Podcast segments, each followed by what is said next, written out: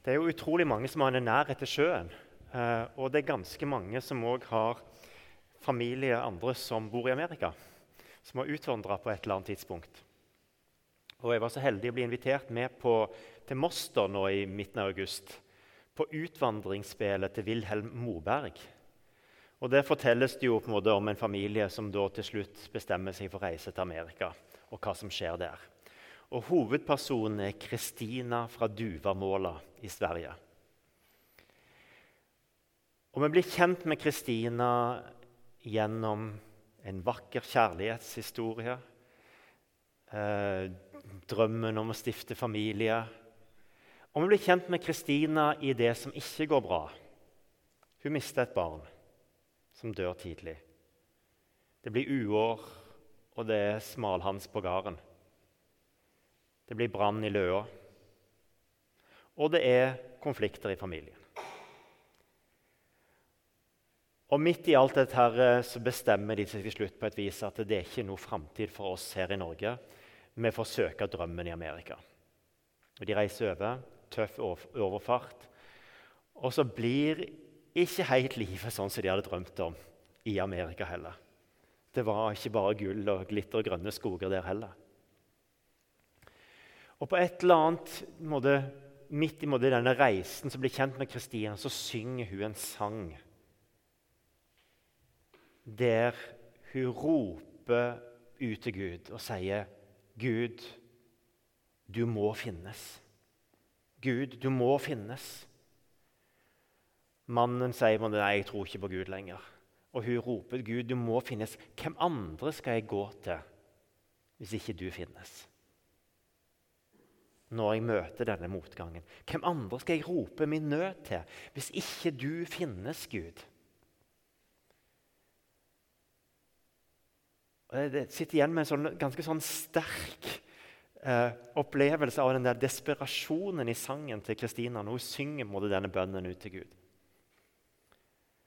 Det aner meg at Jeremia òg har vært der litt i sitt møte med Israels folk og fortvilelsen over at det, ser ut som han havner i landflyktighet. og Folket blir ført til Babylon, han flykter og må bli tatt til fange og ført til Egypt.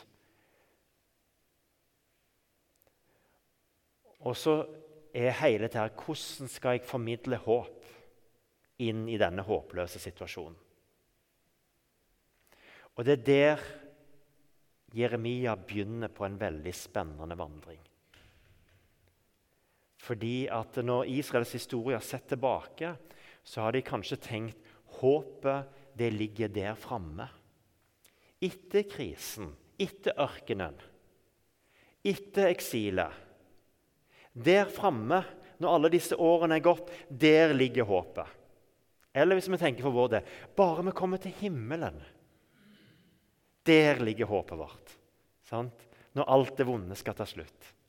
Ny himmel, en ny jord. Der ligger håpet vårt. Men så er både Jeremia og Bibelen veldig tydelige på at ja, det håpet er ikke bare noe som ligger der framme etter krisen. Det er noe som er her og nå. Midt i det som skjer. Og det er dette her allerede nå og ennå ikke som vi lever i spenningen på. At det er, jo, det er et håp om en himmel der framme. Men det er ikke for at vi bare skal tenke at det, nå går det under, og nå er det sånn og sånn. Men det er for at vi skal finne håp nå. Det er et håp som kommer til oss i dag. Og hva er veien til å finne det håpet? Kristine fra Duvamåla, for henne blir det jo på et vis kampen med livet og hvordan livet møter henne, formene, og at hun kjenner på Gud, du må finnes, jeg trenger deg i dag. Det vokser liksom fram innante. Og jeg tenker For oss så er det noe av det samme, det er erfaringene vi har. Men jeg tror òg det er litt måten vi tenker på. Og Kanskje kan Jeremia hjelpe oss å tenke litt rundt hva er dette håpet som vi kan ta imot i dag, og som ikke må det ligge bare der framme.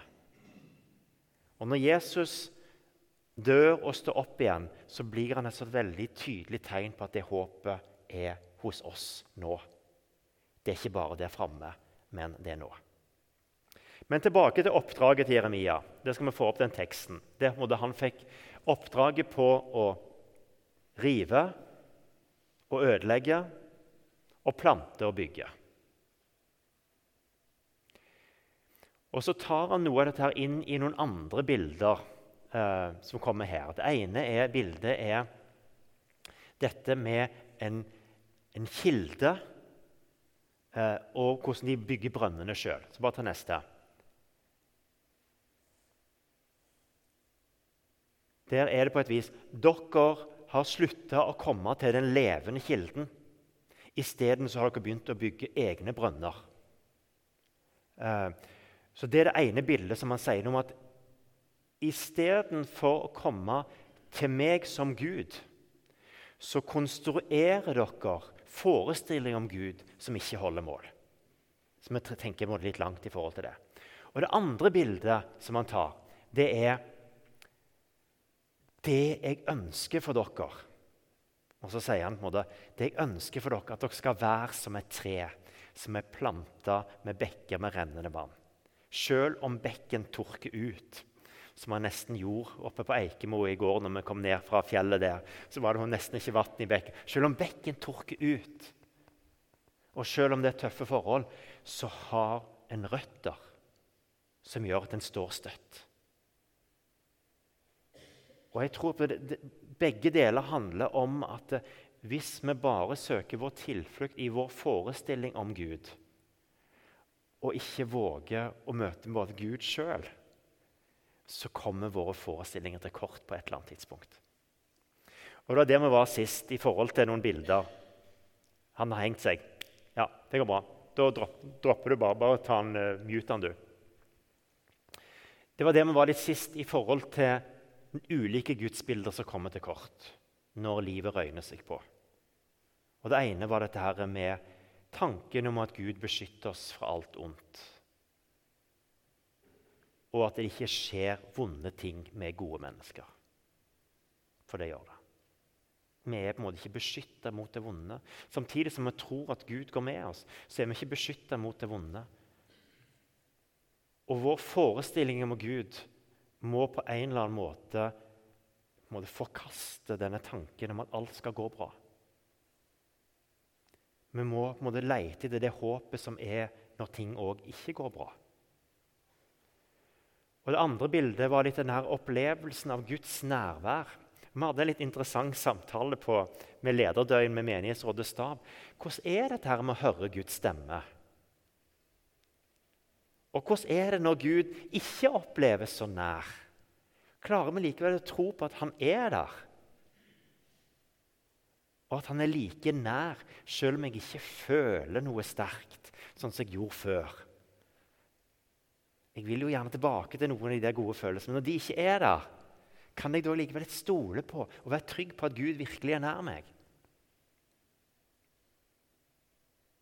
Og så er det det bildet som også har starta litt med konfirmantene nå i en sånn diskusjon på det. og det, det er jo dette her med tro og vitenskap. Og Det er nok noe som har vært en sånn trigger for min del opp gjennom ungdomstida. At jeg, at jeg syns mye av kristen tro ble for naivt. Og at det ikke var rom for vitenskap. Det var ikke rom for fornuften. Og En sånn argumentasjon på et vis at vi bare må lese Bibelen og ikke bruke hodet. Det ble liksom ah, Jeg kan ikke leve sånn. Jeg må bruke fornuften og intellektet og kunne resonnere med fornuften min òg. Og jeg tenker det, det, er bare på ett punkt at fornuften kommer til kort. Og det er forståelsen av Guds nåde og hvorfor Jesus skulle dø og stå opp igjen. Der kommer fornuften litt til kort. Men i alt det andre så må vi gi rom for vitenskap og fornuft. Og våge òg å la bibelsynet vårt utfordres i møte med vitenskapelige utfordringer.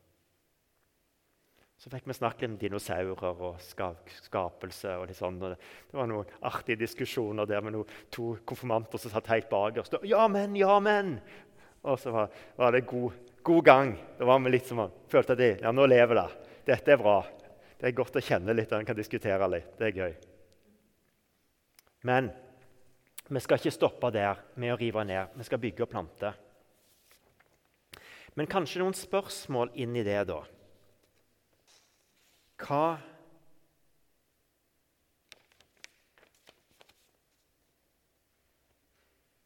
Går det an å snakke sant om det som er vanskelig, og likevel formidle håp? Altså, er, det, er, det, mulig å akseptere virkeligheten og likevel kunne ha håp? Og For Jeremia og folket så var det litt spørsmålet ja, hva er det som har hendt. Hvorfor? Hvor hvor er Gud i alt dette? Fins det en vei videre? Hvordan i all verden skal jeg fortsette herifra? I alt det som har skjedd nå, fins det en vei videre? Du har ikke fått starta den opp igjen, så vi får opp disse fine pottebildene mine. Gjør vi det? For det er et spennende bilde som Jeremia tar oss med inn i. Gå ned til pottemakeren. Og så tegner han et bilde av en Gud som steller med oss. I alt det som skjer, så steller Gud med oss. Han former, og vi blir utfordra av livet og det som skjer rundt oss, men samtidig så er Guds gode omsorg og Guds hender der for å forme og hjelpe. Hjelpe oss å integrere en del av erfaringene som vi får, i, inn i et bilde av at Gud likevel er der sammen med oss. Og så er det andre bildet, som jeg, måtte, jeg egentlig ikke har oppdaget så tydelig hos Jeremia før. Kapittel 18 så er det dette vakre bildet med Gud som steller med oss. Og I neste så får han beskjed om å gå og kjøpe ei krukke som er ferdig brent, og knuse den framfor folket. Og så tenker jeg at det, det blir et sånn profetisk tegn på at sånn er jo òg livet. Noe går i knas. Noe kan ikke gjenopprettes igjen bare med Guds omsorgsfulle hender i denne leira. Det er ikke alt som kan formes om. Fins det noe håp da?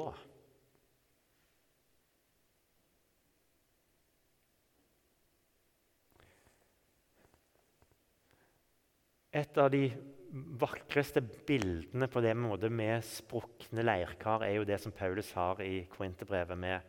Vi har denne skatten i leirkar. Og Hvis du tar det neste bildet, så er jo det måte, glassbiter eller leirkar som er satt sammen igjen, men det blir en åpning eller noen sprekker i det. Og Hvis du setter et lys i et leirkar med sprekker, så må det skinne lysene i disse sprekkene. Og Det er mange kunstnere eh, som har lagd forskjellige installasjoner der du ser litt at i sprekkene at det, det, er noe av det vakre som kommer fram. Eh, og på en eller annen forunderlig måte Ved òg at Jesus har gått til det djupeste mørket, så vil det alltid være noe lys eller noe håp som også kan skinne gjennom disse knuste bedrene våre. Det er ikke noe lettvinte svar på ting, men, men jeg tror likevel at vi kan finne håp òg i det som er knust. Og Det virker som om Gud på en eller annen vis blir en garantist for at mørket ikke skal få siste ordet. Og så kan man si ja, men det blir litt for lettvint, fordi at jeg kjenner jo sånn og jeg kjenner jo sånn. og Det var ikke så lett å finne mørke, og noen mista Gud i en vanskelig situasjon. Og Det interessante med Jeremia er jo at uh, hans første reaksjon på det at han må gå og så knuse denne krukka, det er å gå tilbake til Gud og si jeg skulle ønske Gud at jeg aldri var født. Han bruker så enormt sterke ord. Jeg forbanner den dagen som jeg ble unnfanga. For dette livet vil jeg ikke ha. Og Kanskje ser vi noe depressive greier hos, hos Jeremia. Kanskje ser vi måte, et sinne mot Gud. Ja, men Gud, det er ikke så enkelt. å bare tenke at ja, det er skatten i leirka og det er lys i mørket og alle disse fine ordene. Og så får han være der hos Gud. Og så vokser dette fram hos han. Der han måtte senere komme litt tilbake igjen og så sier han, jeg tror på en Gud som vil oss vel. Fredstanker og ikke ulykkestanker. Jeg tror på en Gud der Hans nåde er ny hver dag.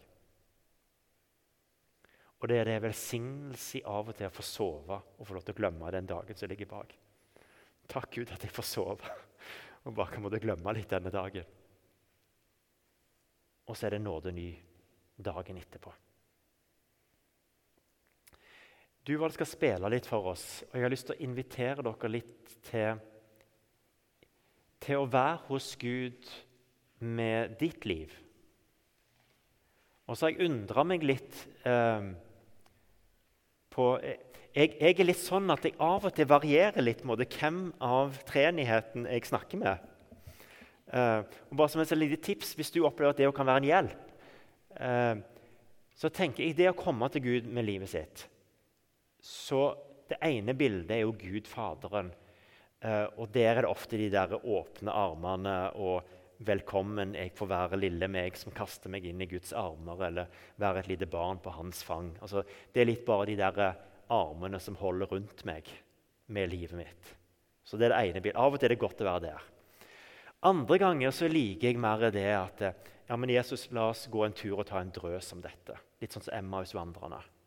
Der jeg går en tur. Eh, og la tankene gå, la mine motforestillinger komme fram. Eh, der det blir en i, både, i utgangspunktet litt en likeverdig samtale mellom meg og Gud. Vi har like måte rett til å si noe i den samtalen. Og Av og til så jabber jeg mye, av og til så jabber han mye. Eh,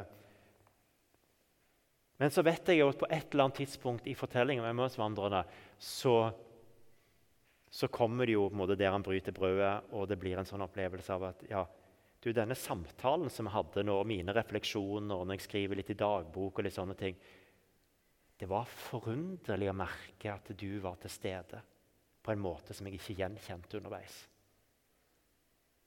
Da jeg måtte mer i den. Og det, det, å gjenkjenne Guds nærvær som noe som jeg ikke la merke til underveis Men han var der i samtalen, og så tenker jeg nå er det bare min jabbing her og mine refleksjoner og tanker. Men så er det plutselig den erfaringa her var jo virkelig Jesus til stede. Og det var et nærvær der som jeg gjenkjente litt i etterkant. Mens andre ganger så går jeg til Den hellige ånd. Og det jeg liker med Den hellige ånd, eh, det er at han bor i meg. Eh, og i min litt sånn lille forestilling på det, eh, så, så er det en sånn Når jeg kommer til Gud eller til Den hellige ånd Du vet alt. Og du òg kjenner litt disse følelsene som er i meg og motsetningene som er i meg. Og du vet òg det som er bevisst og ubevisst hos meg. Du kjenner meg bare sånn på djupet. Og så er det kanskje for min del en sånn erfaring av at ja, men Gud, du vet jo hva som rører seg i meg. Og en opplevelse av at det skjer noe i den samtalen som kanskje handler mer om stillhet og bare være hos Gud. Og at på en eller annen forunderlig måte så kjennes det som om det likevel vokser fram noe håp innenfra. Ikke bare noe som kommer utenfra, men noe som er i meg. Og så er vi forskjellige. Men hvis du skulle tenke litt Faderen, Sønnen eller Ånden, hvem kunne du hatt lyst til å nærme deg med ditt liv her og nå? Og om det er ditt liv som ligger bak, eller om det er ditt liv som ligger foran. Og så vet vi jo at Jesus av og til må spørre ja, hva vil du skal gjøre for deg, der vi sjøl må sette ord på noe av hva er det vi ønsker at Gud skal gjøre i livene våre. Men ikke lag det noe stress. Du, du spiller litt, og så er vi litt bare der hos Gud med livene våre. Og om det bare er kaos, så har Gud en forunderlig evne til å være til stede i det òg. La oss være stille for Gud.